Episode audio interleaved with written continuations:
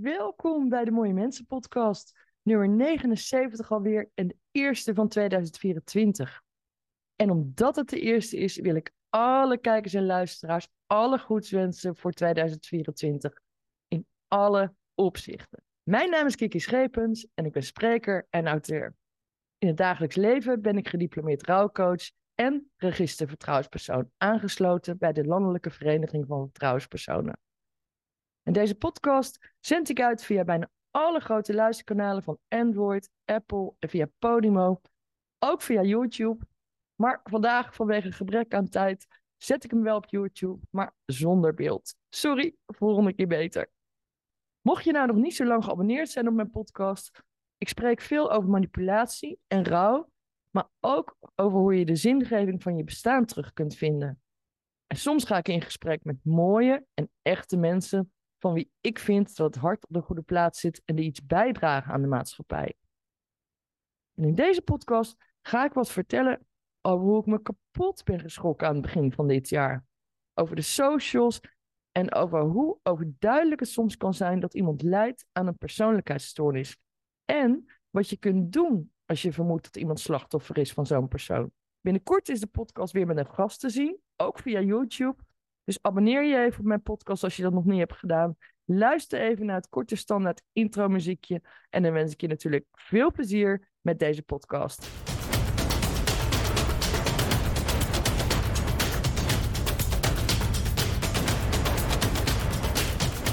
Ja, mensen, want ik ben me kapot geschrokken dit nieuwe jaar. Ik dacht, kom, laat ik eens een keer op Facebook kijken. Facebook. Een medium dat ik niet of nauwelijks gebruik. Ik heb een privépagina met 0,0 vrienden. Waarom? Omdat ik vrienden genoeg heb in real life. Nou, daarnaast heb ik drie bedrijfspagina's, verschillende Instagram-accounts. En dan is het wel makkelijk als je via Instagram dingen automatisch kunt delen in je stories op Facebook. Dus het kan misschien lijken alsof ik bijna elke dag op Facebook zit, maar dat zit ik dus niet. En een van de redenen daarvoor is dat wanneer je een boek uitbrengt met de titel Sextortion op het spoor en je wilt adverteren via Facebook, dan krijg je continu berispingen en meldingen dat je content niet voldoet aan de beleidsrichtlijnen. Vervolgens moet je voortdurend je ideebewijs uploaden om aan te tonen dat je echt degene bent die je zegt te zijn en jezelf bewijzen en verantwoorden. Maar laten we wel wezen, sextortion is wereldwijd een gruwelijke vorm van cybercrime. En daar vraag ik aandacht voor in de media. Daardoor ben ik in 2022 ook genomineerd voor de Vrouw in de Media Awards voor de regio Zuid-Holland. Juist omdat ik iets bij wil dragen aan de maatschappij. Maar Facebook snapt dat blijkbaar niet. Dus ik werd het een beetje zat om steeds maar weer uit te moeten leggen wat sextortion is, wie ik ben en dat ik toch echt auteur ben van een van de eerste boeken die over het onderwerp sextortion gaat. Maar het kwartje valt blijkbaar niet. Iets met computers en algoritmes misschien. Of gewoon niet voldoende kennis bij de beoordelaar. Ik vermoed het laatste. Maar dat is dus de reden dat ik niet tot nauwelijks iets doe met Facebook. Want er zijn tenslotte andere sociale mediakanalen waarop dat wel kan. Want ik ben in de media veel verschenen.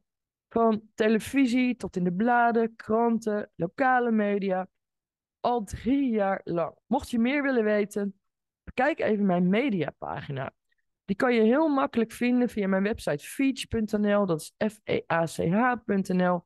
Want elke keer als ik in de media verschijn, of het nou op televisie is, in een tijdschrift of in de krant, dan staat mijn telefoon rood gloeiend. En dan word ik overladen met berichten. En dan moet je je voorstellen, mijn mailbox ontploft. Uh, via LinkedIn krijg ik via de inbox talloze berichten. Via Instagram en via Twitter. Nou, dat zijn dan zo ongeveer 500 berichten per dag. Wat ik als eerste beantwoord, dat is mijn zakelijke mail. Kijk, dat is voor mij het belangrijkste, want er kunnen mails bij zitten van slachtoffers van huiselijk geweld of mensen die bij mij een traject voor rouwcoaching volgen of willen gaan volgen. Dat gaat dan even voor. Maar wat ik dus zelf vergeet, omdat ik het niet gebruik, via Facebook komen er ook honderden berichten binnen als ik in de pers ben geweest. En daar kwam ik dus een paar dagen geleden achter toen ik mijn inbox op Facebook opende.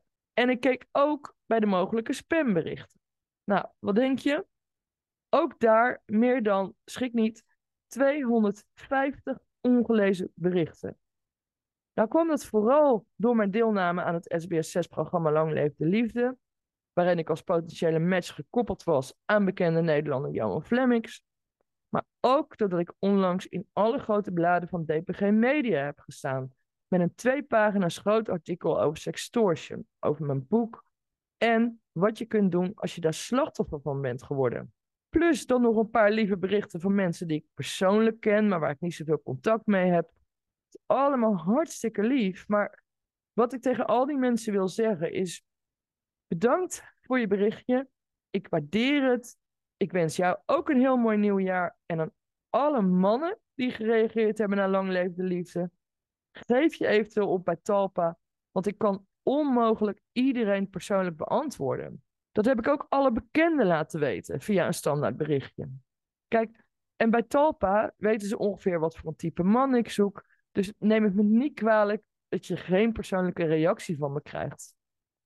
En natuurlijk, ik vind het super lief dat iedereen zo spontaan is en even wat laat weten als ik weer eens met mijn hoofd in de media ben verschenen. Maar als ik iedereen persoonlijk moet gaan beantwoorden, mensen, dan kost me dat een complete werkweek. En vandaar dat ik destijds ook dat persoonlijke berichtje heb opgesteld, dat standaard berichtje, om mensen even te bedanken, want het is gewoon niet te doen. En daarnaast, ik heb af en toe een assistent die de inbox van mijn Instagram beantwoordt.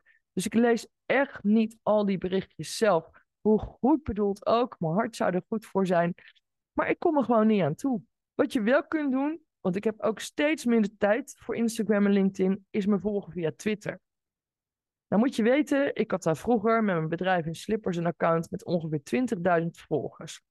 Maar dat account is destijds overgegaan naar de nieuwe eigenaar van mijn bedrijf. Wel heb ik nog niet zo lang geleden een account voor mezelf aangemaakt. Heel simpel, Kiki Schepens. En ik vind Twitter dynamischer, even goed een gezellig platform. En daar word ik niet beperkt om iets te posten over mijn boek. En moet je weten, ik doe al sinds 2001 al mijn marketing zelf. Dus ik weet precies hoe het werkt met algoritmes, de do's en de don'ts. Maar het valt me op dat je tegenwoordig vooral inhoudelijk moet reageren bij anderen, moet slijmen, moet zeggen hoe geweldig je iets vindt, dat je vooral bij je eigen doelgroep en je eigen niche moet blijven. Nou, en dan stijg je in de ranking. Nou, sorry hoor, maar dat past totaal niet bij me. Als ik iets leuk vind voor iemand, dan geef ik een like, een hartje of ik geef een reactie. Daar ben ik veel te spontaan voor. Maar ik merk gewoon dat het me tegen gaat staan om alles, maar dan ook alles te doen om je ranking hoog te houden. En daarom, wat een verademing is Twitter, zeg. Maar goed, dan weet je dat. Volg me dus gewoon op Twitter. En wat ik op Twitter doe, is dingen delen over die ik meemaak over mijn werk als rouwcoach, als vertrouwenspersoon. Maar ook gewoon reageren op mensen die ik volg. Of als ik iets grappigs tegenkom wat ik leuk vind. Of iets verdrietigs, want dan kan ik ook gewoon meeleven. Ook al is het iemand die ik totaal niet ken. Hè, dan like ik het of ik repost het. Het is net hoe het uitkomt. En niet te vergeten, ik zit ook in de Lang Levende Liefdesjury op Twitter. Want ik kijk bijna geen televisie, maar het enige programma wat ik kijk is Lang Levende Liefde. Gewoon even chillen, niet nadenken, gezellig twitteren met andere, tussen aanhalingstekens, juryleden. En zolang mensen normaal doen, ben ik geen blokkeermiep, want ieder mens is uniek en ieder mag zijn eigen mening hebben, maar ook uiten wat mij betreft. Heel belangrijk. Maar ik waarschuw je wel, als je gaat lopen miepen in mijn tijdlijn, nou, dan stuur ik je naar de Efteling, maar wel op jouw kosten. En jezelf uiten daar wil ik het over hebben in deze podcast. Want wat ik in het begin al zei, ik maak soms podcasts, ook solo-afleveringen over rouw en manipulatie. Nou denken mensen bij rouw altijd heel gauw dat het gaat om het verlies van een dierbare. Rouw is er in verschillende vormen. Maar als je te maken hebt met huiselijk geweld of je wilt daaruit ontsnappen, dan heb je ook te maken met een rouwfase. Want hoe je het ook went of verkeerd, hè, als je daarin zit of als je daar uitkomt, je laat toch een periode achter je. Een periode, ook al was het een rotperiode, maar een periode die je gewend was. Maar je hebt zoveel met manipulatie te maken gehad en dan valt dat van lieverlee weg. Ja, dan breekt er een heel nieuw leven aan en dan moet je maar zelf opnieuw invulling aan je leven gaan zien te geven.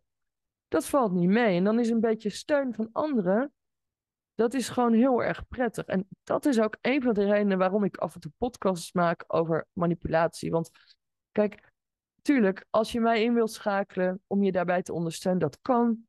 Hangt een prijskaartje aan. Maar ik kan niet in de portemonnee van anderen kijken. En daarom maak ik dus ook mijn podcast. Gratis podcast, waarmee je dus ook heel veel zelfkennis op kunt doen en zelfhulp toe kunt passen. Maar goed, terugkomend uh, op dat uiten. Ik hoorde laatst van, uh, ja, ik zal ze Lisa noemen, een verhaal over de kerst. Ze had samen met de man Eddie vrienden uitgenodigd om te komen eten. Een echtpaar die ik in deze podcast Jan en Els zal noemen. Maar zo heten deze mensen allemaal natuurlijk niet in het echt. Of het gezellig was, vroeg ik. Nou, het was eigenlijk helemaal niet zo gezellig geweest. Hoe kwam dat dan? vroeg ik. Wat bleek? Eddie had uren in de keuken gestaan, want ja, dat vindt hij nou helemaal leuk om te doen. Maar begonnen bij het voorgerechtje. Een zelfgemaakte heldere bouillon. Gast Els vond hem heerlijk. Jan liet hem voor de helft staan. Bijna onaangeraakt. Gaat het, Jan? Heb je geen trek? vroeg Ed. Jan antwoordde dat hij een heldere bouillon niet bepaald een voorgerechtje voor de kerst vond. Kun je nagaan, hè? Jan en Els waren dus te gast bij Eddie en Lisa. Het hoofdgerecht. Dan moet je weten, Eddie, de gastheer, heeft Indonesische roots. Dus die man die had anderhalve dag in de keuken gestaan om een Indische rijsttafel voor te bereiden. Iedereen vond het heerlijk, behalve Jan. Alleen al bij het zien van al die Indonesische gerechtjes ging zijn gezicht op half zeven. Vervolgens schepte hij een half bord vol, nam drie happen en toen, nee, werkelijk. Demonstratief schoof hij zijn bord naar voren en zei luid en duidelijk: Ik zit vol. Nou, kan dan natuurlijk dat iemand genoeg gegeten heeft, verzadigd is, misschien niet zo lekker is, maar dan zeg je niet zo demonstratief dat je vol zit en dan schuif je al helemaal niet als een klein kind je bord zo naar voren. Lisa en Eddie, die keken elkaar aan van, wat doet hij nou? En Els, de vrouw van Jan, nou, die, die wist helemaal niet waar ze kijken moest. En ze zei nog, Jan, neem nou nog een beetje, joh. Maar Jan was vastberaden en moest nog een keer keihard zeggen dat hij vol zat. Lisa en Eddie die wisten niet zo goed wat ze ermee aan moesten. En die besloten om maar niks te zeggen, maar leuk vonden ze het niet. Na het hoofdgerecht volgde een zelfgemaakte slagroompudding met vruchtjes erin. Iedereen nam een beetje, maar Jan niet. Die moest niks, want hij zat toch vol? En als je nou denkt dat het nog niet genoeg was, Lisa had die middag appeltaart gebakken voor bij de koffie. Wat denk je dat Jan zei?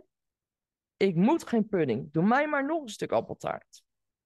En zijn vrouw Els probeerde nog, Jan, kun je niet even wachten tot we allemaal gegeten hebben? Maar nee, Jan moest en zou een stuk appeltaart. Echt.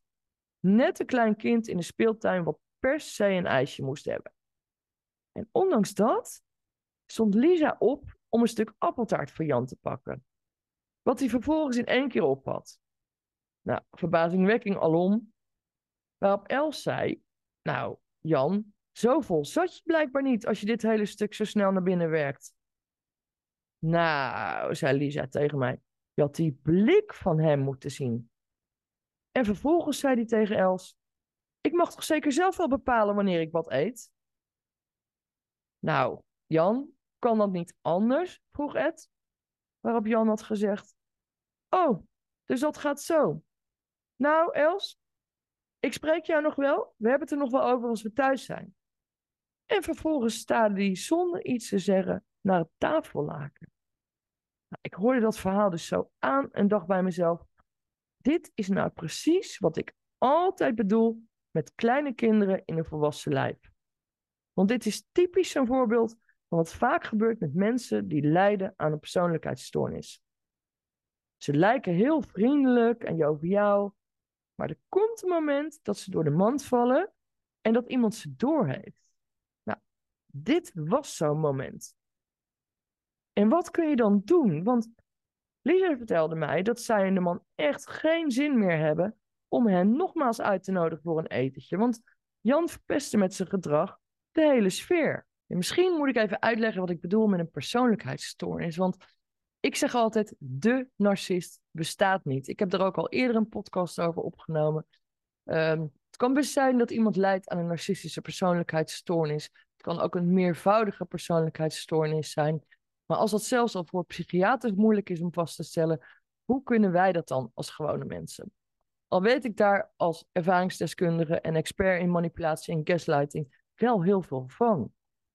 Ehm, dus ja, wat kon ik tegen Lisa zeggen? Nou, ik zei, ik ken Jan Els niet, maar als jij vermoedt dat hij lijdt aan een persoonlijkheidsstoornis, probeer dan in ieder geval om het contact te behouden met haar. Dat had ze zich al eens vaker bedacht, maar ze wist niet zo goed wanneer ze erover zou moeten beginnen met Els, want ze wilde daar het juiste moment voor zien te vinden. En dat snap ik, maar als jij nou vermoedt dat iemand in zijn relatie te maken heeft hè, met iemand met een persoonlijkheidsstoornis, dan is er geen juist moment. Dat juiste moment, dat komt nooit. Wat je zou kunnen doen, is er gewoon te zijn voor iemand. Door dat te benoemen en door te luisteren. Meer niet. Want je zou misschien geneigd zijn om af te haken. En als je afhaakt, dan raakt een slachtoffer van psychisch geweld meer en meer in een isolement. En dat is nou precies het doel van zo'n destructief persoon. Slachtoffers isoleren, zodat ze hen meer en meer in hun macht kunnen krijgen, controle kunnen uitoefenen. Belangrijk is wel om mee te leven en niet te gaan mee lijden. Want dan neem je de ellende van een ander op je schouder en dan ben je niet meer in staat om iemand te helpen. En tenslotte heb je ook je eigen leven. Dus wat ik wil zeggen, zorg dat het leed van de ander niet jouw leed wordt. Dus meeleven, niet meelijden. Want bedenk dat jij kunt het probleem niet oplossen, maar het is wel belangrijk om te blijven communiceren als je vermoedt dat iemand gebukt gaat onder psychisch geweld. Wat je kunt doen is af en toe vragen hoe het nu met iemand gaat. Of hoe gaat het vandaag? Want hoe het met iemand gaat die slachtoffer is van huiselijk geweld, dat kan van dag tot dag verschillen. Zelfs van moment tot moment, van uur tot uur. Belangrijk dus daarbij is om echt alleen maar te luisteren naar iemand. Ga geen voorbeelden aanhalen als ik ken iemand die of ik weet nog toen ik. Want daar zit iemand totaal niet op te wachten. En zeg ook niet, ik weet hoe je je voelt. Want als je het niet mee hebt gemaakt, weet je niet wat het is en dus ook niet hoe het voelt. Kijk, ik benoem dat wel eens in mijn podcast. Ik weet wat het is. Ik weet hoe het voelt. Ja, maar dan spreek ik in het algemeen, maar niet tegen iemand persoonlijk. Want kijk, gevoel is zoiets persoonlijks. En het gevoel van de een hoeft niet precies hetzelfde te zijn als wat jij voelt of hebt gevoeld in het verleden. En nu draait het toch echt even om die ander. Vooral als je in communicatie wilt blijven met de ander, in verbinding wilt blijven. Bied gewoon aan om er te zijn als je iets wilt betekenen voor die ander. Maar bied het alleen aan als je er ook kunt zijn voor de ander. Want niks zo frustrerend voor iemand als dat je iets aanbiedt, dat je hulp aanbiedt en je kunt het niet waarmaken. Daar heeft niemand wat aan. Soms kan het ook helpen om ergens met iemand een kopje koffie te gaan drinken of te gaan wandelen. Even de buitenlucht in, even iemand letterlijk meenemen uit de dagelijkse sleur en weg bij die destructieve persoon. En op zo'n moment zou je wel uit kunnen spreken dat je je zorgen maakt om iemand en kunnen vragen wat voor diegene helpend zou kunnen zijn. Maar het kan goed zijn dat iemand zegt dat er niks aan de hand is, dat alles oké is. En ook al vermoed je dat dat niet zo is, zorg dat je je hand uitgereikt houdt. Want er kan zomaar een dag komen waarop iemand je heel hard nodig heeft en op dat moment wel je hand pakt. Maar als iedereen afstand neemt van types als Jan, en dus van Els, dan zou het kunnen zijn dat Els inderdaad uiteindelijk niemand meer over heeft om op terug te vallen. Omdat ze zo door Jan geïsoleerd is dat hij volledige controle en macht over haar heeft. En dat was nou juist de reden dat Eddie en Lisa ze hadden uitgenodigd voor het diner. Niet voor Jan, maar voor Els. En om te laten weten dat ze haar niet willen laten vallen. Nou, hoe lief is dat? Waarmee ik wil zeggen, het kan soms heel gecompliceerd zijn om door te dringen tot een slachtoffer van huiselijk geweld. Blijf je hart open houden en blijf communiceren. Over communiceren gesproken. We zijn bijna aan het eind van deze podcast gekomen, maar ik blijf natuurlijk ook communiceren dit jaar. Mijn podcast die ga ik ongeveer één keer in de twee of drie weken publiceren. En ik weet wel hoor, het was vorig jaar uh, bijna elke week, maar het is best veel werk. En ik heb meer te doen, want mijn werk als rouwcoach en vertrouwenspersoon gaat gewoon door. Maar wat ik heel leuk vind, ik krijg wat vragen van luisteraars. Bijvoorbeeld of er een keer een psycholoog aan het woord kan komen. Wel, dat gaat gebeuren dit jaar. En binnenkort ook nog een mooi interview met een bekend relatietherapeut, een privédetective en een veteraan. Dus kortom, zat podcasts om naar uit te kijken. Als jij nou een keer een onderwerp besproken wilt zien in mijn podcast, laat het even weten via het contactformulier van Feach, feach.nl. Of als je een keer een podcast wilt sponsoren, ook altijd welkom. Net als donaties natuurlijk, want zonder de support van mijn kijkers en luisteraars zou ik dit alles niet kunnen blijven doen. Anyway, genoeg gepraat. Abonneer je op mijn podcast. Laat je reactie achter. Bedankt weer voor het luisteren en tot de volgende keer.